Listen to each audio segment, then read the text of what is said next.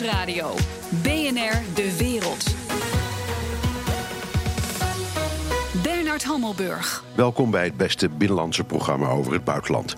Duizenden Syrische vluchtelingen zitten vast bij de Israëlische grens door een nieuw offensief van president Assad. Stukje bij beetje herovert Assad zijn land op de rebellen. Wanneer erkent het Westen dat hij heeft gewonnen? Ik praat erover met Koos van Dam, oud-diplomaat, Arabist en schrijver van het toonaangevende boek Destroying a Nation: The Civil War in Syria. Dag meneer van Dam. Goedemiddag. U hebt altijd gezegd in dit programma ook: deze oorlog wordt gewonnen door de sterkste. Is Assad de sterkste? Hij is nog steeds de sterkste. Hij is een tijd uh, verzwakt door de enorme steun die de oppositie kreeg: militaire steun, financiële andere steun aan de oppositie. Uh, heeft hem aan het wankelen gebracht. En in 2015 zijn de Russen ingesprongen om dat te voorkomen. En sedertdien staat hij een stuk steviger. En hij is aan de winnende hand. En hij gaat het denk ik ook winnen. Maar wanneer dat is, dat hangt enorm af van... in hoeverre nog allerlei landen de oppositie blijven steunen. Maar de, het, uh, hoe heet het, de, de lust daartoe neemt sterk af. Uh, de vele landen die uh, plegen nog steeds lippendienst dat Assad weg moet. Maar ze hebben al, denk ik, geaccepteerd dat hij de facto gewoon blijft. En dat hij dus een rol zal moeten spelen in de toekomst, of ze het willen of niet. En het keerpunt in dit geheel was dus uh, september 2015, toen de Russen begonnen te bombarderen. Als ik u goed begrijp. Dat, dat was het moment waarop eigenlijk Assad terugkwam en nooit meer zo en, en ijzersterk eigenlijk terugkwam. Dat klopt. En eigenlijk zitten de Russen daar nu zo sterk, omdat dus de oppositie bijna hem ten val had gebracht. Dus als dat. Eh, die buitenlandse steun, hoe goed we misschien ook bedoeld, als er niet was geweest, dan hadden er waarschijnlijk, eh, er misschien honderdduizenden mindere slachtoffers gevallen. En was het land minder in puin. Maar ja, dat is uh, nog. De, de, de burgeroorlog is ontaard eigenlijk in een, een war by proxy. Dus allerlei landen zijn zich daar gaan mee bemoeien. En dat maakt het ook moeilijker om het, los te, om het op te lossen. Want daardoor moeten ook die, al die landen, of een aantal daarvan, betrokken zijn bij een oplossing. Ja, we gaan direct even praten over de betrokkenheid van iedereen en hoe het nou precies zit met die oppositie. Maar als ik het goed begrijp, uh, er is nu een offensief gaande in Dera in het zuiden. Uh, dat is dan ook heroverd. Het noorden is goed deels in handen van de Koerden. Is er nog wat over van die oppositie? Als nou, je gewoon op de kaart kijkt. Ze zijn er, ik denk dat de oppositie, of eigenlijk er waren meer dan 1500 oppositiegroepen, maar als je dus inkrimpt tot de belangrijkste, zeg maar iets van 120, die zijn er nog wel, maar ze zijn op een klein, veel kleiner gebied. En ze zitten voornamelijk dus in het noorden. Daar zijn de Koerden, daar zitten de Turken. Daar zijn in de provincie, noordwestelijke provincie Idlib... zitten een heleboel extremere groepen die elders in het land het verloren hebben. En dus zijn als het ware gedeporteerd naar dat gebied. Eigenlijk niet om in de toekomst een soort politieke oplossing... of een compromis met hen te sluiten... maar gewoon af, in afwachting van een, alsnog een slachtpartij daar. Dus ze zijn eigenlijk van het ene slachthuis waar ze niet zijn afgemaakt, ja, het klinkt wat cru, naar het andere gedeporteerd om vervolgens nog uh, hen daar helemaal uit te schakelen. Ja, en u denkt dat gaat ook echt gebeuren. Assad kennende, daar in Idlib, daar slaat hij echt nog toe. Ja, zeker. En, Maar er komt nog iets bij. Er zitten allerlei groepen, zoals de met Al-Qaeda verbonden Hayat Tahrir al-Sham, vroeger uh, Jabhat al-Nusra. Daar hebben de Amerikanen en de Turken natuurlijk ook last van. Dus Assad hoopt dat uh, die landen ook hun aandeel zullen leveren in het verslaan van uh, deze groepen, die dus eigenlijk ja, internationaal uh, een bedreiging kunnen vormen. Maar die andere landen hebben er natuurlijk niet zoveel zin in, omdat ze dan Assad weer helpen. Ja, en bovendien het idee dat je dan meehelpt aan een soort finale slachtpartij, dat is nou ook niet echt verkwikkelijk. Nee, nee maar die komt er ongetwijfeld. Want, en, als, en, en als Idlib dan valt, of als Assad in Idlib wint, is de oorlog dan voorbij? Nog niet helemaal, want het hangt er ook vanaf. De Amerikanen zitten er ook nog. Dus, uh, en, en de Turken zitten er ook nog. Dus die, het is, de Koerden bijvoorbeeld in het noorden... die zitten denk ik liever onder Assad... met een zekere erkenning van hun identiteit en autonomie... of een beperkte autonomie... dan dat ze door de Turken worden bezet. Want de Turken die hebben allerlei Koerden daar eigenlijk ook verdreven. En de Amerikanen die willen eigenlijk een dam opwerpen tegen, opwerpen tegen de Iraniërs. Maar dat is niet zo makkelijk, want die zitten dus bijvoorbeeld aan de grens. Ten eerste zitten ten noorden van de Uifraat, dus in het oosten van, noordoosten van Syrië. Maar ze zitten ook in het midden-oosten van Syrië. Een zekere plek die heet Tanaf, dat is een grensovergang naar Irak om daar te voorkomen dat de Iraniërs via daar naar binnen allerlei materiële dingen kunnen uh, toevoeren. Maar dat kunnen ze toch. Desnoods eventueel later via Jordanië. Dus en, en Iran zit ook heel erg ingebed in Syrië. Het is niet zo dat ze een paar troepen terugtrekken. Maar ze zitten echt in de structuur van een deelstructuur van het Syrische leger. Dus er is nog een heleboel uh, onopgelost. Uh, en er zijn nog een heleboel vijanden van het Syrische regime. Die, het, het Syrische regime wil eigenlijk alle partijen die daar niet op hun verzoek zitten. En dat zijn er nogal wat, die willen ze daaruit hebben natuurlijk. Ja, en dat, dat noemen zij allemaal terroristen. En dat is een notie die de Russen vanaf het moment dat ze meedoen eigenlijk hebben omarmd, als ik goed begrijp. Ja, precies. Alle mensen die, dus alle groepen die het Syrische regime ten val willen brengen. En dat zijn er nogal wat, die worden dus allemaal terroristen genoemd. Ook sommige van die groepen, u zegt het gaat misschien wel om 1500, maar er is een aantal van dat door het Westen is gesteund voortdurend, die vallen daar dan ook onder. Voor in, in de ogen van het regime, zeker. En van de Russen. En van de Russen. Dus bijvoorbeeld het Vrije Syrische leger. En er is destijds eh, op verzoek van de, eh, zeg maar de internationale coalitie en de Russen... Is er een lijst heeft Jordanië de opdracht gekregen om een lijst te maken van terroristische groepen. Dat het waren er iets van over de honderd. Maar als je dus dan kijkt wie dat ook terroristische als ook als terroristische groepen uh, beschouwen... Dan, dan is bijna niemand het met elkaar eens. Behalve misschien, of misschien, behalve dus de Islamitische Staat die er trouwens ook nog is een beetje.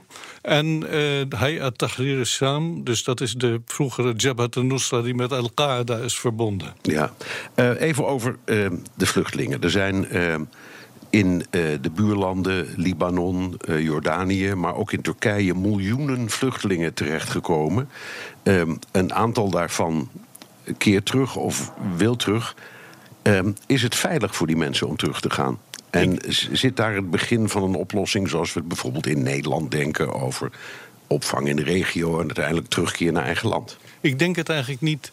Er zijn een, is een aantal vluchtelingen dat kan terug naar een gebied wat dan niet onder controle is van het Syrische regime. Maar er zijn een heleboel. Ik zou het, als ik een Syriër was, niet zo gauw vertrouwen. Want er zijn miljoenen Syriërs in het buitenland. Die hebben bijvoorbeeld, als je alleen al naar hun Facebook-pagina's kijkt. dan kun je onmiddellijk zien aan welke kant iemand staat. De meesten hebben dus gekozen tegen het regime. Het regime heeft natuurlijk allemaal dat geregistreerd. En die willen niet mensen zomaar toelaten eh, in vrijheid die uh, tegen hen zijn. Dus dat misschien in een veel later stadium, maar zeker niet in het begin. Dus het maar even, even, zijn ze zo um, uh, technologisch bij de tijd dat ze ondanks het voeren van een oorlog en ondanks al die verwarring de moeite doen om al die Facebook-accounts uit te zoeken en te zien hoe die tienduizenden, honderdduizenden, misschien wel miljoenen vluchtelingen zich uiten in het buitenland. Ongetwijfeld. Ze hebben een heel groot veiligheidsapparaat. Er zijn iets van 15, 15 inlichtingendiensten, misschien nog wel meer. En die houden, zich dat, die houden zich daar precies van op de hoogte. Van alle telefoongesprekken, van alle, van alle communicatie. Maar dus ook van, de, van, de, dit soort, van hun uitingen in het buitenland. Ze hebben natuurlijk ook onder de vluchtelingen hun informanten. Dus het is niet zo dat je uh, zeven jaar of zo uh, hebt geageerd tegen het regime in het buitenland. Uh, zijn een aantal gevallen volstrekt terecht. Maar dat, je dan, dat dat niet is opgemerkt. Dus dat, dat houden ze precies in de gaten. Maar, maar nog even voor de duidelijkheid: een onderdeel van het Nederlandse vluchtelingenbeleid is gebaseerd op die terugkeer naar eigen land. En als ik u goed begrijp, zegt u. Uh, voor sommigen geldt dat misschien wel, maar het is eigenlijk naïef om te veronderstellen dat al die mensen zomaar terug kunnen. Ik denk het, want de meesten die vinden dat te riskant. Statistisch gezien uh, blijft een vluchteling zo'n 17 jaar buiten zijn eigen land. Er zijn natuurlijk allerlei soorten vluchtelingen, categorieën vluchtelingen meegerekend, die nooit meer terugkeren. Maar het idee dat als die oorlog is afgelopen, als die is afgelopen, wat betekent als die oorlog is afgelopen, dat het betekent nog niet dat het vrede is en dat je daar veilig kunt zijn als Syrië. Maar ik denk niet dat uh, velen die willen toch niet, die willen wel terug, maar die vertrouwen dat niet, omdat ze zijn gevlucht eigenlijk grotendeels voor het regime. Ook een aantal mensen is gevlucht vanwege de oorlog, niet vanwege het regime. Maar het is riskant om terug te gaan. Ja, even, we hebben destijds de diplomatieke betrekkingen verbroken. Ziet u een moment waarop die worden hersteld, al is het alleen al met het oog op deze kwestie? Ik denk dat, uh, nou eigenlijk is mijn antwoord, we hadden nooit die ambassades moeten sluiten.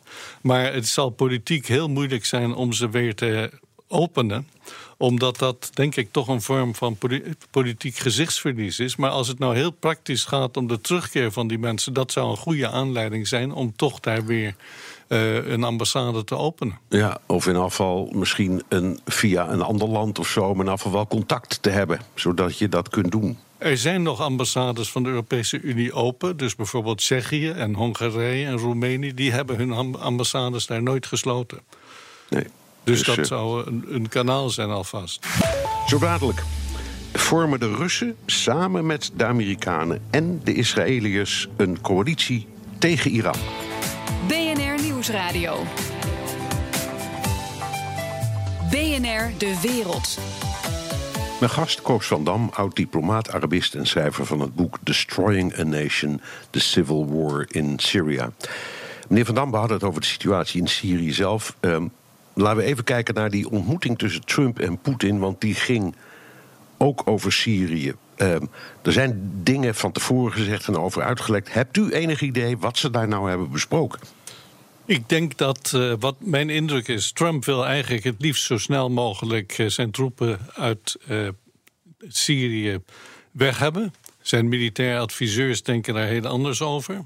Maar hij wil natuurlijk daar wel iets voor terug hebben. Politiek. Maar want nou ja, als hij daar zou blijven, dat betekent, vrees ik, alleen maar ellende voor de Amerikanen.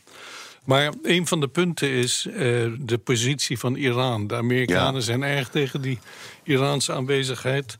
Uh, de Israëli's natuurlijk ook. En daar zit misschien een element in om iets te bereiken. Maar ik denk ja, wat, niet. Wat, nee, wat, ik, wat ik erover las is um, dat uh, Trump een soort voorstel zou doen. Wat hierop neerkwam. Als jij, Vladimir, er nu voor zorgt dat de positie van die Iraniërs wat minder prominent wordt in Syrië. Uh, vooral tegenover Israël, want dat voelt zich bedreigd. Dan haal ik mijn troepen weg. Dan, want dat was ik toch van plan. Zoiets. Zoiets in die trant. En dan betekent het in eerste instantie dat de Iraanse troepen, maar ook die mensen die ingebed zitten op een andere manier in het, in het uh, leger van Syrië, dat die in ieder geval op een grotere afstand zitten van Israël. Dat maakt het dan een stuk uh, gemakkelijker, zeg maar. Ja, maar even in, in idee. We hebben in, uh, in mijn voorstelling dan ongeveer het volgende voor ogen. Sinds september 2015, om dat als eikpunt te nemen. Assad kreeg plotseling een luchtmacht erbij, dat was Rusland. En hij kreeg plotseling een landmacht erbij, dat was, was de Republikeinse Garde uit Iran en Hezbollah. Um, je zou toch kunnen zeggen, als dit allemaal ten einde komt, dan zou Iran ehm, die republikeinse gardisten of uh, uh, kunnen terugtrekken of Hezbollah kunnen terugfluiten. Die kunnen dan toch iets doen. Ik denk niet dat ze daar zomaar mee akkoord gaan. Uh, want ja, zij worden weer bedreigd door Israël. Zij bedreigen Israël, maar Israël bedreigt hen ook. En ze hebben natuurlijk enorm veel geïnvesteerd in die alliantie met uh, Syrië, al in de tijd van vader Assad. Dus ik denk niet dat ze zomaar zullen genoegen nemen. Met, uh, er is op het ogenblik trouwens ook een uh, soort kritische noot. De Vilayati, de vroegere minister van Buitenlandse Zaken... en nu adviseur voor de hoogste leider van Iran... die heeft in een interview gezegd dat Assad was al lang gevallen als Iran daar niet uh, betrokken was geweest en hem had geholpen. Dat is niet in goede aarde gevallen. Uh, Assad antwoordt daarop: ja, maar jullie hebben, zeggen altijd dat je alleen maar adviseurs hebt en dergelijke, dus dat betekent niet veel troepen. Uh, dat, dat, dat betekent vrevel. De, de Syriërs zullen eigenlijk liever niet de Iraniërs hebben in die mate dat ze afhankelijk van ze zijn. Maar het wordt heel moeilijk om ze helemaal daaruit te krijgen. Dus als ik goed begrijp, zegt u, uh, Iran heeft zich daar ingewerkt om alle mogelijke redenen. Uh, misschien ook om zijn invloed überhaupt in de regio te vergroten, hoe dan ook. En je krijgt ze niet meer weg, dat is een illusie. Niet helemaal weg. Ik denk dat ze toch daar blijven. De Amerikanen eigenlijk zelf hebben de Iraniërs de grote kans gegeven... door het regime van Saddam Hussein ten val te brengen. En sedertdien, nou, het is eigenlijk de rode loper voor Iran uitge, uitgerold. Iran zit dus... Want, want daar hebben toen de Shiiten gewonnen... en dat was een uitnodiging aan Iran Ja. hè, in Irak. Ja, Ja. En die, die hebben hun macht eh, enorm uitgebreid. Eh, die hebben daar gebruik van gemaakt. In zo'n zulke mate dat ook in Irak eh, dat niet iedereen daarmee blij mee is. In, Nee. in Jemen en elders. Maar ik denk dat het een illusie is om zonder kleerscheur, om het zo te noemen, te be- kunnen bewerkstelligen dat Iran daar zomaar weggaat. Die willen daar wat voor terug. En wat willen ze? Nou, bijvoorbeeld eh, dat kernwapenakkoord. Als de Amerikanen zich daar niet aan houden, dan gaan zij dus weer kernwapens, of tenminste kerncapaciteit produceren. Dat, dit is maar een van de onderwerpen. Maar het is niet dat Iran dat allemaal zomaar zal opgeven. Nee. Eh, kun je zeggen dat er, ehm, zoals dat vaak gaat, eh, door, in de ironie van de geschiedenis, een soort van conctie aan het ontstaan is tussen Rusland ehm, en Israël eh, en Amerika? Allemaal met het oog op het indammen van de, de macht van Iran, zelfs misschien wel met de steun van Assad. Eh, ja, als dat een, een oplossing kan bieden, dan zou Assad natuurlijk dat ook wel willen.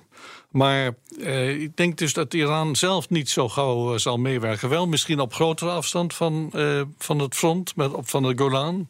Ja. Maar, maar niet helemaal vertrekken. En bovendien, ja, Iran heeft dus ook een enorme eh, geld ge- eh, zeg maar geleverd, eh, gefinanci- allerlei gefinancierd voor die oorlog. Dus dat gaan ze niet zomaar Nee. nu opgeven.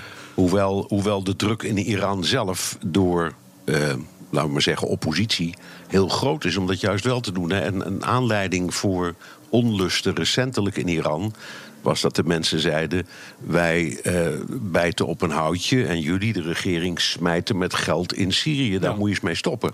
Maar dat hebben ze wel al, al uitgegeven. Dus het zou kunnen verminderen Ja, natuurlijk. dus- Maar ze, zijn het, ze krijgen het niet zomaar terug. Nee. Ehm, nu even, want daar hadden we het straks over. Ehm, u begon uw verhaal eigenlijk met te zeggen: ja, er zijn misschien wel, wat was het, 1500 eh, oppositiegroepen of zoiets. Toen, toen dit allemaal begon, ehm, toen hebben wij in het Westen. eh, geprobeerd om het in te delen in goed en kwaad. Je had goede en slechte oppositie. Eh, dus Al-Qaeda en Al-Nusra en zo en IS. Eh, die deugden niet, maar je had ook hele nette mensen. Die deugden dan weer wel. En die werden dan vertegenwoordigd in ehm, eh, Turkije met een kantoortje en dames en heren in mantelpakken en kostuums met stropdas. Zo zat het ongeveer in elkaar. Nou, je had bijvoorbeeld het Vrije Syrische leger. Dat waren allemaal gedeserteerde militairen uit het Syrische leger. Dat werd beschouwd als een gematigde groep. Die waren in het begin ook meer seculier. Maar in een oorlog ra- wordt- radicaliseert iedereen. Dat betekent niet dat als je radicaal bent... dat je dan niet meer seculier zou kunnen zijn. Nee. Maar Maar dit is eigenlijk, deze wat cynische formulering is een opmaat naar de vraag die voor de hand ligt. We hebben toen allemaal, eh, heel veel westerse landen, ook Nederland, eh, die de acties gesteund. Eh, daar is toen heel veel over gedebatteerd. Dit soort argumenten zijn toen al op tafel gekomen. Weet je nou wel goed of je het onderscheid kunt zien tussen goed en kwaad. U was altijd heel terughoudend. Kijk daar nou mee uit. Ehm, hoe kijkt u nu terug op bijvoorbeeld de Nederlandse inter- eh, interventie in eh, Syrië en ook in Irak trouwens, maar vooral in Syrië? Nou, de Nederlandse interventie is eigenlijk de niet-dodelijke hulp aan bepaalde groepen. En, en natuurlijk de steun aan de oppositie in Istanbul, de Sy- Syrische oppositie. Nou, maar je had toch ook, je had toch ook die, die eh, F-16's. Oh, ja, en die, en die, en die, de bedoeling daarvan was het bombarderen van aanvoerroutes naar IS. Dat was het officiële argument. En eh, ja, dat gaat niet zonder eh, eh, slachtoffers. Je kunt wel je best doen en je kunt wel verzwijgen. Maar daar is natuurlijk het een en ander gebeurd. Ongetwijfeld, ik ken die details niet van de, de, de burgerslachtoffers. In ieder geval niet in detail. Maar de bedoeling was, en de, de Nederlandse luchtmacht, de vliegtuigen die daar, gevechtsvliegtuigen die daar bezig waren, die waren helemaal gericht op de Islamitische Staat. En niet in verdere gevechten. En vooral in Irak, maar in een later stadium ook in Syrië. En ik denk dat dat uh, wel geslaagd is. Behalve dan natuurlijk dat je zo'n oorlog tegen IS kun je alleen maar echt uh, winnen via ook landtroepen. En dat, dat zijn dan voor een groot deel de Koerden. Die hebben daar, uh, milities hebben daar een hele belangrijke rol gespeeld. Voor in, in Syrië vooral en in ja. Irak. Ja, en, um, en natuurlijk toch ook wel de Iraniërs. De Iraniërs die hebben, moeten ook niks hebben van de islamitische staat. Nee, dus en... die, hebben, die stonden wat dat betreft ook aan dezelfde kant. Maar de, de vraag is gewoon: het, het, het is uh, een soort van oordeel. We hebben dat allemaal gedaan. Er is toen over deze kwesties heel duidelijk gedebatteerd in Nederland. Maar um, als we terugkijken, hadden we niet moeten zeggen: we beginnen er gewoon niet aan. We doen niet mee. Um, dit is verkeerd. Um, de redenering van Van Dam is: als je er niet mee bemoeit, gaat het misschien met minder slachtoffers eindigen. Dat soort dingen. Precies, je kon verwachten van dit regime, zo'n vreed regime, want daar is natuurlijk geen twijfel over, dat hij alles zal doen om aan de macht, zal blijven, om aan de macht te blijven. En uh, mijn stelling is altijd geweest: je kunt beter helemaal niet interveneren. Want dan was er dus veel eerder een einde gekomen aan die oorlog. En zeg maar de halfzachte interventie. Ik ben überhaupt tegen interventie, omdat het bijna altijd leidt tot rampen. Er zijn voorbeelden genoeg: Afghanistan, Irak, Syrië, Libië, enzovoorts, enzovoorts. Uh, we hadden beter dus helemaal niks kunnen doen. We hadden natuurlijk wel die Syrische oppositie in het buitenland uh, kunnen steunen, politiek.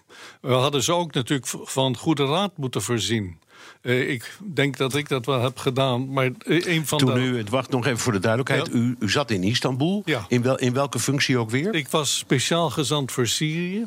En een van de punten was dat de oppositie eigenlijk irreële eisen stelde. Namelijk, we willen alleen uh, onderhandelen, maar we willen op voorhand een soort garantie hebben. We willen zeker hebben dat het regime ten vol wordt, val wordt gebracht. En dat de president en zijn, de mensen met bloed aan de handen, dat die worden berecht. En op zich is het natuurlijk principieel wel juist. Alleen dan krijg je natuurlijk nooit onderhandelingen. Dus die onderhandelingen die waren grotendeels gebaseerd op een communiqué in Genève van 2012. Maar daar stond niks in over die president. Maar iedereen, iedereen bijna iedereen, Clinton en allerlei andere politici, die herhaalden continu: hij moet weg, Assad moet weg. En dat heeft eigenlijk die eis, die kon het, moest de Syrische oppositie natuurlijk ook. Uh, uh, stellen, uh, en zeker als het buitenland het ook deed, die heeft eigenlijk alles geblokkeerd. Ja. Nou, nou, denk ik niet dat er makkelijk een compromis zou zijn gesloten met het regime. Maar in ieder geval, door die eisen te stellen, kon je zeker zijn dat er van die onderhandelingen niks, daar niks uit zou komen. Nee, en dat is ook niet gebeurd tot nu toe. Uh, Assad staat dus op winnen, althans, uh, nou ja, zoiets. Uh, zijn we dan terug bij waar het begon? Nou, met, met, met, die, met die demonstraties tegen het regime, want dat was het. Nee, dan zijn we helemaal niet terug, want we zijn veel meer verder terug dan het begonnen is. Want het land ligt in puin. Uh, er zijn meer dan uh, half miljoen doden. Er zijn uh, miljoenen, miljoenen vluchtelingen en ook internal displaced persons, of vluchtelingen in Syrië zelf. En door al dat bloedvergieten, en van de Syrische regimekant veel, kwantitatief veel groter dan van de oppositiekant. Maar door dat bloedvergieten heb je dan niet plotseling, als de ene partij gewonnen heeft, ook werkelijk vrede. Daar kan generaties kunnen daar overheen gaan. En een van de, het moet, er zou natuurlijk een verzoening moeten komen. Maar een onderdeel van die verzoening is eigenlijk ook het respect van alle bevolkingsgroepen voor elkaar. Even los van wie wel of niet regime was. Dus ja. dat de verschillende, noem het geloofsgemeenschappen, elkaar respecteren. En niet discrimineren, op, helemaal los van dit conflict. Ja, en, en, nou, dat... en ga daar in die legpuzzel daar maar aan beginnen. Zeker na alles wat we hebben meegemaakt. Dank. Koos van Dam, oud-diplomaat, Arabist en schrijver van het boek Destroying a Nation: The Civil War in Syria. BNR Nieuwsradio. BNR De Wereld. Bernard Hammelburg. Links- en rechts-Amerika zijn nog steeds in rep en roer over president Trump na diens gesprek met, zoals hij het noemde, zijn Russische concurrent Poetin. In de ontmoeting trok hij het onderzoek van zijn eigen inlichtingendiensten naar verkiezingsinmenging in twijfel. Grote onrust in Amerika. En dus is het weer tijd voor een update uit de Verenigde Staten van Trump. The Donald Show. Met onze correspondent in Washington, Jan Postma. Jan, Trump had na de Helsinki-top heel wat uit te leggen. En dat is dan ook wat hij de afgelopen dagen heeft gedaan, toch? Ja, uh, eigenlijk is het uh, sinds hij teruggekomen is, sinds dat vliegtuig weer uh, op het asfalt geland is hier in Washington, is het over helemaal niks anders gegaan. Het is natuurlijk die persconferentie, hè? Je, je, je noemde dat net al eventjes. de uitleg die hij later ook gaf, hè? ik was het woordje niet vergeten toen ik het had over Russische inmenging. Nou ja, daar werd natuurlijk hier wel wat verbaasd naar gekeken. En ja, gisteren werd bijvoorbeeld ook Trump gevraagd of hij nog steeds dacht dat Rusland Amerika als heeft. Uh, en dat was op zo'n chaotisch moment dat de pers net uh, naar buiten wordt uh, geëscorteerd. Veel geschreeuw. En toen zei hij: Thank you very much. No. Nou ja, dat gaat dan weer tegen de veiligheidsdiensten in, die juist waarschuwen dat de VS wel een doelwit is. Maar toen zei de woordvoerder van het Witte Huis, Sarah Huckabee Sanders, daarna: Ja, meneer Trump beantwoordde niet die vraag over Rusland toen hij nee zei. Nee, hij zei nee tegen het beantwoorden van andere vragen. Uh, maar daarna beantwoordde hij wel gewoon andere vragen. Dus dat is weer zo'n moment dat, dat je dan denkt: van ja. Hij uh, zegt nu het ene, maar hij laat heel duidelijk doorschemeren dat hij eigenlijk het andere vindt.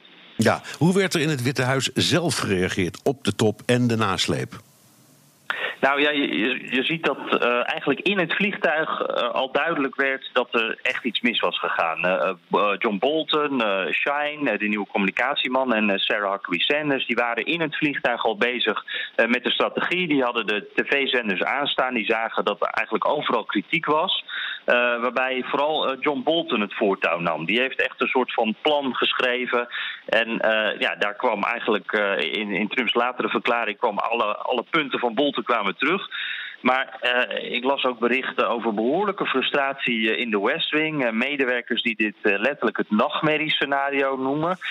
ja, de, die Russische schijn die is er natuurlijk al met dat, dat onderzoek van, van Mueller. Dan wil je niet dit erbij hebben. En wel een heel saillant detail. De stafchef van Trump, John Kelly, die heeft, zodra hij in Washington was, met republikeinse congresleden gebeld om ze te zeggen dat ze beste president tegen mochten spreken. Dat ze hem eigenlijk wel af mochten vallen. En dat is wel heel opvallend natuurlijk. Uh, het lijkt erop dat hij toch ook zijn baas een beetje onder druk probeerde te zetten op die manier om toch tot een soort excuus of tot een verklaring te komen. Ja, nou, die gesprekken tussen Trump en Poetin die gingen onder vier ogen, alleen maar met een tolk. Dat is altijd zo tijdens zo'n top. Levert dat nu problemen Want ja, alleen die tolk was erbij en dus getuigen. Ja, klopt. Ja. Nou ja, er worden vaak nog wel wat van notulen opgeschreven, maar die, waren er nu ook niet echt. En uh, we zijn nu op het punt dat de Russen een beetje beginnen op te scheppen eigenlijk. Die vertellen over de, de fantastische afspraken die gemaakt zijn. Maar die Amerikaanse ambtenaren hier in Washington, die weten nog steeds van niks. Die zijn nog druk bezig met uh, ja, die PR-nasleep waar ik het net over had. En uh, ze zijn er eigenlijk nog helemaal niet aan toegekomen om, om ja, de president uit te horen wat hij nou precies met Trump besproken heeft. Nee. Dus dat, dat blijft echt wel een probleem. Maar tegelijkertijd toch ook even de nuance. Voorlopig blijven de meeste Republikeinen publiekelijk in ieder geval nog steeds achter, achter Trump staan. Ja, ja en een, tolk laten getuigen kan niet, want de, de geschiedenis zit vol. Dat, dat is ook na Jalta geprobeerd, maar goed, dat lukt nooit. Um, nou zegt Trump, Trump uh, het valt allemaal wel mee met die Russen. Um, en juist op dat moment wordt er een Russische spion opgepakt in Washington.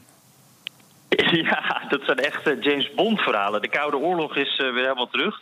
Uh, echt op het moment dat Trump zijn persconferentie gaf uh, in, in, in, in Helsinki. dat was eigenlijk het moment dat zij al voor de rechter stond. Maria Butina, zij is 29 jaar, een Russische. En ja, zij tapte aan met de Republikeinse congresleden en ook met de NRA, de, de wapenlobby, hè, die machtige wapenclub. En zij probeerden zo uiteindelijk om contacten te leggen met de Trump-campagne. En nou schijnt ook onderzocht te worden of zij uh, via de NRA uh, Russisch geld uiteindelijk bij die Trump-campagne heeft doen belanden. Nou, dat, dat moet allemaal nog maar bewezen worden natuurlijk. Maar het is in ieder geval een, een, ja, een heel spannend verhaal. Uiteindelijk is het niet gelukt om ook echt met Trump te spreken. Maar ze heeft het wel voor elkaar gekregen om bijvoorbeeld op, op benefiet-etentjes met Donald Jr., de, de, zoon van Trump, aan een tafel te zitten en ook met hem te spreken. En waar het nu in Washington allemaal een beetje om draait, uh, deze dame die gooide haar lichaam ook in de strijd. En in de aanklacht wordt gesproken over een relatie met US Person One. En, ja, en heel Washington vraagt zich natuurlijk af wie is die US Person One? Het is een man van 56. Er worden verschillende namen genoemd. Uh, maar dit is een beetje de talk of the town in Washington op dit moment. En ja, voor Trump komt dit wel een beetje lastig. Hè? Want het maakt al die uh, Russische acties waarvan hij zegt dat gebeurt allemaal niet, maakt ineens heel erg concreet. Ja, maar goed, dit is van alle tijden zou je kunnen zeggen. En ook de manier waarop. Maar ze is net op tijd gepakt, begrijp ik. Ja, uh, inderdaad voor alle tijden hoor. Ik heb wel eens begrepen dat hier op dit moment net zoveel spionnen zitten als tijdens de Koude Oorlog. Want er op dat punt niks veranderd is. Ik kom ze niet zo snel tegen, maar. Uh, Weet je niet, Jan? Dat goed dus. Nee, beetje oppassen in ieder geval. Uh, Maar je zegt het inderdaad goed. zij had, deze Bettina, die, had, die heeft die aanklacht van Muller gezien, Robert Muller, op vrijdag, waarin twaalf Russen werden aangeklaagd. En uh, dat schijnt dan het moment te zijn geweest dat zij al haar geld heeft opgenomen en haar koffers heeft gepakt. En dat was het moment dat de FBI binnenkwam. Uh, dus net op tijd. Ja, we gaan het zien. Ze is uh, onschuldig tot ze is veroordeeld. Dankjewel, correspondent Jan Postma. BNR Nieuwsradio. BNR De Wereld. Ruslandgate wil maar niet overwaaien. Achteraf zei Donald Trump dat hij zich in de persconferentie na de top had versproken. Daarna begon hij een Twitter-tirade tegen wat hij noemde de topbashers. Ik praat erover verder met Arend-Jan Boekenstein, historicus aan de Universiteit Utrecht en presentator van ons eigen BNR-programma Boekenstein en de Wijk. Dag Arend-Jan. Goedemiddag. Uh, Trump heeft zijn woorden toegelicht en weer veranderd. Uh, nou, dan is het toch klaar. Ja, weet je, het is, het is allemaal ongelooflijk eigenlijk. Hè? Weet je, laten we het eens behandelen vanuit het perspectief van uh, uh, Kelly en Mattis en Bolton. Ja, wat, wat, wat, nou ja, kijk eerst naar Kelly dan. Wat, wat Jan net vertelde, dat Kelly dus de Republikeinen heeft aangezet om maar lekker met kritiek te komen op hun eigen president. Nou, kijk, Kelly is een ex-generaal. Daar houdt trouwens Trump ook van, van ex-generaals. Nou, ik ken geen generaal die het er staat te juichen als je dus je eigen inlichtingen niet gelooft en wel de woorden van Poetin. Dat moet voor Kelly gewoon een verschrikkelijke gebeurtenis geweest zijn. Dus dat kunnen we eigenlijk via die route kunnen we dat wel verklaren. Dat Kelly probeert erger te voorkomen. En dat betekent dus ook dat hij, dat hij on the way out is, want dat zal Trump uh, afstraffen. Nou, over Mattis is relatief stil. En ik heb het gevoel dat bij hem dus... Uh, die is een soort burgemeester in de oorlogstijd. Die denkt van, het is allemaal vreselijk wat er gebeurt... maar als ik wegga wordt het misschien nog erger. Hè? Ja. Maar het is, het is natuurlijk allemaal heel erg. En wat, en wat het meest weerzinwekkende ervan is... is dat uh, er is nog steeds geen hard bewijs van collusion. Hè? Het Mueller-rapport, dat komt maar niet. En het komt er misschien ook wel niet. En als het er wel komt dan uh, zullen dus volgens de keiharde populistische wet in Amerika, die overal geldt van Kijk, het is onze grote leider, Trump. Hij mag uh, misschien wel gekke dingen doen. Maar het alternatief is erger. En zo zal het allemaal weer toch niet tot impeachment leiden. Nee, maar wacht even. Nou zeg je een heleboel dingen tegelijk. Uh, in de eerste plaats, Trump zegt terecht... er is nog steeds geen enkel bewijs van samenzwering met Rusland. En zoals jij zelf zegt, misschien komt het er wel, misschien komt het er niet. Of een, een, impeachment is weer een andere uh, kwestie, want dat, dat is een, een, politiek besluit van het Huis van Afgevaardigden. Zeker, daar moet je maar, meerderheid maar voor hebben. Vind je, maar is het niet zo dat je, ondanks deze rare versprekingen en het feit dat hij zegt: Ik vertrouw Poetin meer dan mijn eigen veiligheidsdiensten, want daar komt het erop neer. Dat je toch ook moet zeggen: Wacht even, de man is toch gewoon onschuldig. Er is toch nog geen enkel bij. Het is, hij zegt: Het is een heksenjacht. Heeft hij toch ook een punt, Trump? Um, nou ja, dat, dat, wil zeggen dat er wel meer dan circumstantial evidence is. Ik bedoel, uh, we kennen allemaal de feiten dat hij sinds 2008 geen geld meer van Amerikaanse banken kreeg. We weten dat hij heel veel Russisch geld heeft opgehaald. Daar heeft zijn zoon ook openlijk over gesproken. We weten ook dat, uh, waar, het, waar het vandaan kwam. Dat betekent nog steeds geen collusie, maar dat betekent wel dat er dus innige financiële banden zijn tussen Russisch geld en Trump. En dat zou ertoe hebben kunnen leiden dat, uh, dat de Russen ook een hefboom over hem hadden. Maar we hebben geen bewijs. Nou ja, maar, maar Poet, ja. Poetin zegt zelf, uh, ik ben daar heel eerlijk over... ik wilde liever dat Trump won dan Hillary. Dus ja. daar, daar, daar, wat dat betreft zijn ze helemaal niet geheimzinnig. Nee. Maar dat, nog, dat bewijst nog steeds niet. Nee, daar heb je dat, gelijk in. Wat, wat, wat natuurlijk wel zo is, en dan hebben we het over iets dat misschien zo mogelijk nog wel erger is. En dat heeft dan verder niks met impeachment te maken, maar gewoon voor de wereld en voor Amerika zelf. Als een president zijn eigen inlichtingendiensten niet gelooft, zich daar ook eh, bashing over uitlaat, dan betekent dat dat die geheime diensten niet meer alles gaan vertellen over wat ze vinden in de wereld aan de president. Ze vertrouwen die president niet meer. Dat betekent dus dat de veiligheid, niet alleen in Amerika, maar ook in de wereld onder druk komt. Dat betekent ook dat westerse veiligheidsdiensten, bijvoorbeeld de Nederlandse en de Franse en de Britten, ook niet zomaar weer informatie geven aan Amerika, omdat men gewoon Trump niet meer vertrouwt. We zitten in een crazy world. Zo dadelijk. Wat kan het de Trump-stemmer eigenlijk schelen, dat hele Rusland-onderzoek? Is de ophef vooral een onderonsje van de politieke en journalistieke elite? BNR Nieuwsradio. BNR De Wereld. Mijn gast Arend-Jan Boekenstein, historicus aan de Universiteit Utrecht... en presentator van het BNR-programma Boekenstein en de Wijk. Uh, Arend-Jan, laten we even kijken naar Poetin. Poetin zei uh, op die persconferentie met uh, Trump over het Rusland-onderzoek... de Russische staat weet van niets. Dat viel mij op en de New York Times is met een enorm verhaal gekomen over oud-spionnen en agenten die erachter zouden zetten, maar misschien niet meer officieel in overheidsdienst zijn. Zou Poetin dus formeel gelijk kunnen hebben? Want officieel heeft hij er dan als staatshoofd, quote-unquote, niks mee te maken. Maar weet je, het, is een beetje lastig te geloven in het Russische systeem. Hè? Bijvoorbeeld, je kan, kan een parallel trekken met al die trollenfabrieken. Dan, dan doet Poetin ook van, ja, daar heb ik helemaal niks mee te maken. Dat zijn jongens die zijn eigen zaakje begonnen. Maar ondertussen is het in het Russische systeem toch wel zo dat hij echt on top of everything zit. Hè? Heel anders dan Trump, die met een losse pols bestuurt. Zit natuurlijk uh, zit Poetin echt overal bovenop.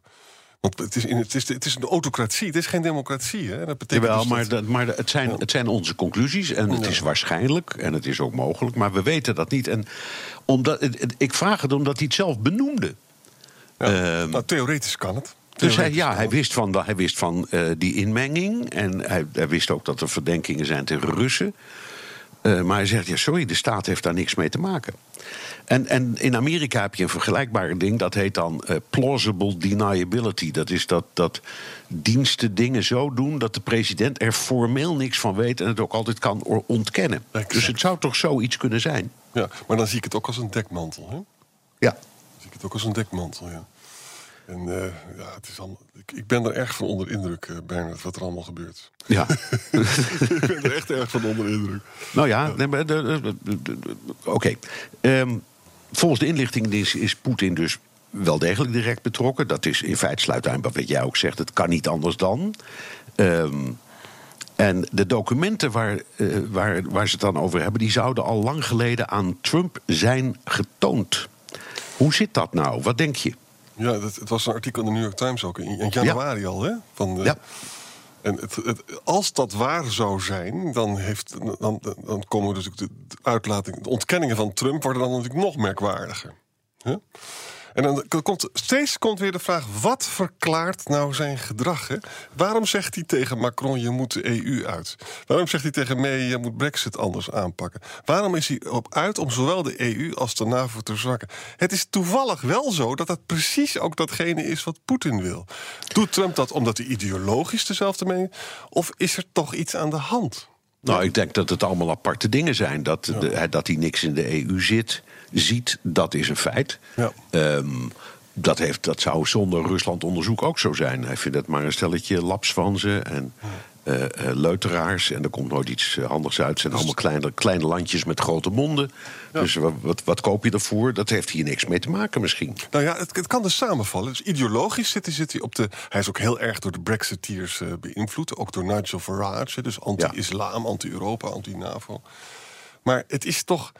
Het is toch merkwaardig. En laat, laat ik, dat toch even speculeren. We weten dat hij geen geld meer kon krijgen. Je kan, we weten dat hij naar de Russische oligarchen is geweest. We weten dat die jongens massaal witwassen. Met andere woorden, je kunt niet zoveel geld in Rusland ophalen... zonder dat je bijna automatisch in witwasconstructies terechtkomt.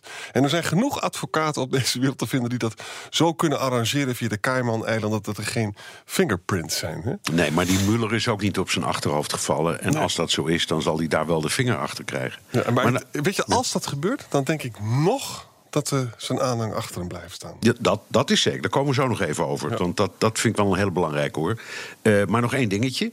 Uh, Trump zegt, als de Russische inmenging was in de periode waarover wordt gesproken, dat was nog onder Obama. Dus waar kom je bij mij over zeuren? Dan moet je bij die man zijn. Die heeft een fout gemaakt. Klopt toch? Ja, maar het, was, het is wel zo dat. Ik zit me nu een beetje te herinneren. Misschien dat je het beter weet dan ik. Obama is er ook mee bezig geweest. Ja, en die heeft op een bepaald moment ook tijdens een korte ontmoeting ja. um, met Poetin uh, een snauw gegeven. Zo van: sodemiet erop, hou ermee op. Ja, exact. Maar en, hij heeft, het verder, hij heeft er verder geen rugbaarheid aan gegeven. En Obama wist dus ook al via de FBI en misschien ook wel de CIA. dat er dus mensen uit zijn campagneteam de meest merkwaardige dingen deden in de Russische invloedssfeer. He, Flynn, uh, Manafort, ga zo maar door. Dus dat was, dat was natuurlijk. Kijk, dat is ook zoiets geks. Hè? In je eigen campagneteam zijn er mensen die, die, die echt uh, gewoon met Russen samenwerken. Daar komt het gewoon op neer. Hè? Is het dan aannemelijk dat de grote baas van die campagne daar nooit van hoort? Dat is toch gek? Ja, maar goed, het is nog steeds geen bewijs. Nee, het is geen bewijs. Maar het is, nee. maar het is heel onaannemelijk okay, ook. Okay. Huh? Goed, je, je zei iets heel belangrijks. Uh, namelijk, uh, hoe zit het met die aanhang? De, de heisa speelt zich helemaal af binnen de politieke en journalistieke elite. En jij en ik doen daar heel hard aan mee, zal ik maar even zeggen. Ja. Ehm, de Trump-aanhanger in Ohio, Kentucky, Wisconsin, noem maar op, die zal dat toch allemaal een zorg zijn. En sterker nog, die denkt bij zichzelf: als het zo is dat dit allemaal al speelde in 2016, nou dan hebben de Russen lekker Hillary Clinton gedwarsboomd. Hoera! Exact. Nee, maar dat, is een ontzettend belangrijk punt dat je daar zegt. Het gaat ook nog echt veel dieper. Hè? Je zit daar in Ohio. Uh, je haat die democraten. Niet alleen omdat je het ideologisch met ze eens maar ook omdat je hebt gezien dat die jongens allemaal naar Wall Street gingen... en, die, en allemaal met die bankencrisis de zaak belazerd hebben. Hè? Die hebben daar totaal geen vertrouwen meer in. Ze hebben ook die Irak-oorlog, vonden ze verschrikkelijk... kostte ontzettend veel geld. Dat ging allemaal ten koste van hen. Vonden ze ook vreselijk. Ze hebben een totaal wantrouwen in de elite. En, en nu komt Trump er langs. En die, die, is natuurlijk zelf ook onderdeel van die elite. Maar dat zien ze heel anders. Dat is een man die durft te zeggen waar het op staat. En, uh, en natuurlijk, hij zal wel uh, een scheve schaats hier en daar rijden. Maar dat betekent dat hij ook slim is.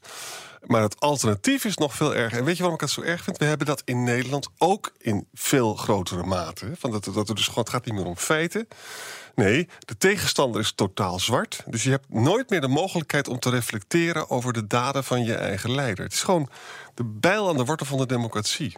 Ja, maar, ja. Of, ja, goed, maar dat maakt die democratie uiteindelijk zelf uit. Er gebeurt niets ja. ondemocratisch. Het gaat allemaal met verkiezingen, met ja. moties, met wetten. Uh, de, de, het, het, parlement functioneert. Ja. Dus Zeker. Je... Maar het probleem, het probleem is natuurlijk dat democratie kwetsbaar op dit punt is. Hè. Van, democratie gaat ervan uit dat mensen geïnformeerd zijn en dat ze kritisch nadenken. En dat ze dan tot een, tot een stem komen. Maar ja, dat is helaas niet zo. Mensen die laten zich ook door grillen leiden of door angsten. Uh, of door, door enorme afkeer. En dat is ernstig, want uh, je kunt elke beleidsdossier daarmee kapot maken. Neem de euro, neem, de, de, lid van de gemeenschappelijke markt. Neem Brexit, wat er nu gebeurt. Dat, het toch, dat is toch onvoorstelbaar, Bernard. Dat, dat, dat Engeland dat ik zo bewonder, met die mensen met de clarity of thought... dat die nu volkomen ideologisch bezig zijn om dat land kapot kapot te maken. Gewoon ja, kapot nou, te maken. Als, als mee de strijd wint, valt dat misschien allemaal nog weer. Wordt het een soft brexit en dan kunnen we er allemaal nog mee leven. Maar even terug naar, naar uh, Trump. De fan van Trump zegt misschien ook andere dingen. Die zegt ja. Uh, ze, dat, uh, die, al die mensen in Washington, die, die wantrouwen we, uh, die deugen niet. En dat is eigenlijk zo geweest. Er heeft bovendien nooit één vinger voor ons uitgestoken. Ja. Maar ze zeggen misschien ook iets anders. Er is al die tijd nu al ruzie met Poetin. En dat komt eigenlijk sinds de Krimcrisis. Wij weten niet eens precies waar dat ligt. Is het niet gewoon tijd om te zeggen: het is mooi geweest, zand erover, kom op zeg. Uh, make-up en kiss. Uh, en dat is ook een beetje wat Trump heeft willen doen met Poetin. Is dat niet, ja, los van de ideologie, een begrijpelijke en misschien ook wel verstandige instelling van ja. die achter, achterban? Je kunt, je kunt daar heel veel over zeggen. En je kunt er ook een heel een end in meegaan. Hè. Je kan het nog sterker maken door te zeggen van... ja, luister eens... eh, eh, Sarkozy en Merkel hadden veel eerder moeten zeggen dat de Oekraïne nooit uh, kandidaat voor de EU zou moeten worden. Want we hebben dus ook een beetje de zaak uitgelokt. Hè. Dus allemaal waar. En de NAVO heeft ook geflirt. En dat was ook niet verstandig. En dat, dat argument dat is voor, voor een groot gedeelte waar. Het probleem is alleen dat het allemaal wel gebeurt. Het probleem is ook dat de tegenpartij, Poetin eigenlijk helemaal ook niet die NAVO of die EU-flirt nodig had om een magistrale buitenlandse politiek te voeren. Dat is een counterfactual. Hè? Dat is onwetenschappelijk, maar ik hou er wel van. Kijk, als je ziet hoe, hoe, hoe Poetin opereert, hij zat ook op kansen te wachten uh, om die Krim uh, te pakken. Ja, en, maar nou even terug. Even terug. Nou, nou, woon, nou ben je een Trump-aanhanger in Wisconsin. Um, en je, kijkt op de kaart en je, ja hoor, Verhip zegt... ik heb de Krim gevonden, maar het is wel een enorm eind weg. Wat kan het mij schelen? En is het niet mooi als mijn president zegt: ja, dat is nou eenmaal gebeurd. Die Krim gaan jullie nooit meer teruggeven. Dat begrijp ik zo langzamerhand ook wel. Uh, dus zand erover. Uh, we moeten door. Dat is toch niet zo gek? Dat is helemaal niet gek. Een beetje, dat, dat is Bismarck. Hè? De Balkan zijn de botten van een pommerse grenadier niet waard. Hè? Waarom zou ik mijn bloed verkwisten voor de, voor de invasie van de Krim... dat toch uh, lange tijd bij Rusland heeft gehoord... en waar veel mensen Russisch spreken? Dat is allemaal zeer begrijpelijk. Bovendien, Obama heeft uh, heel onverstandig geopereerd... door te zeggen dat hij er ook niks aan zou doen. Hè? Dat was, was, werd wel heel makkelijk gemaakt. Nee, dat begrijp ik allemaal heel goed. Maar dat betekent niet dat de wereld daar stabieler op wordt... Want dat betekent dus dat als uh, Trump die isolationistische geest, die toch al heel sterk in de Amerikaanse geschiedenis zit, hè, vergeet niet dat pas na de Tweede Wereldoorlog, pas echt, hè, ja, na de, zeg maar de Eerste Wereldoorlog even, maar toen ging het mis, zich met Europa zijn gaan bemoeien. Ja, dat wordt dan dus sterker. En, en, en ik ben dus zelf wel heel somber hierover. Ik denk ja, dus dat, dat, dat, begrijp ik. Maar ik, de, de vraag was heel simpel. Um, um, begrijpen wij uh, een kiezer uit Wisconsin of Ohio die zegt... Ik begrijp hem uh, heel ik, ik, ik, begrijp dat allemaal wel en het deugt ook niet met die Krim... maar het is nou eenmaal gebeurd. Ja. En je kan je, met zo'n groot en belangrijk land met zijn nucleaire wapens... je moet met elkaar praten en onze president doet dat gewoon. En dat doet hij misschien niet, even, niet allemaal even handig... want hij, maakt, hij is vaak een beetje onhandig. Maar de bedoeling is allemaal goed. Dat is toch best te begrijpen. Zeker. Het probleem, het gevolg ervan wel is... als dit allemaal zou gebeuren, dat Poetin wel heel veel kansen krijgt. Hè? Ik ben zelf niet iemand gelooft dat het in het belang van Poetin is om uh, de Baltische Staten aan te vallen. Maar als ze zo zwak zouden gaan opereren, en NAVO is natuurlijk al heel erg zwak en Europa is zeer verdeeld. Dan zal, zullen er meerdere dingen gaan gebeuren. Kun je gewoon machtspolitiek voorspellen.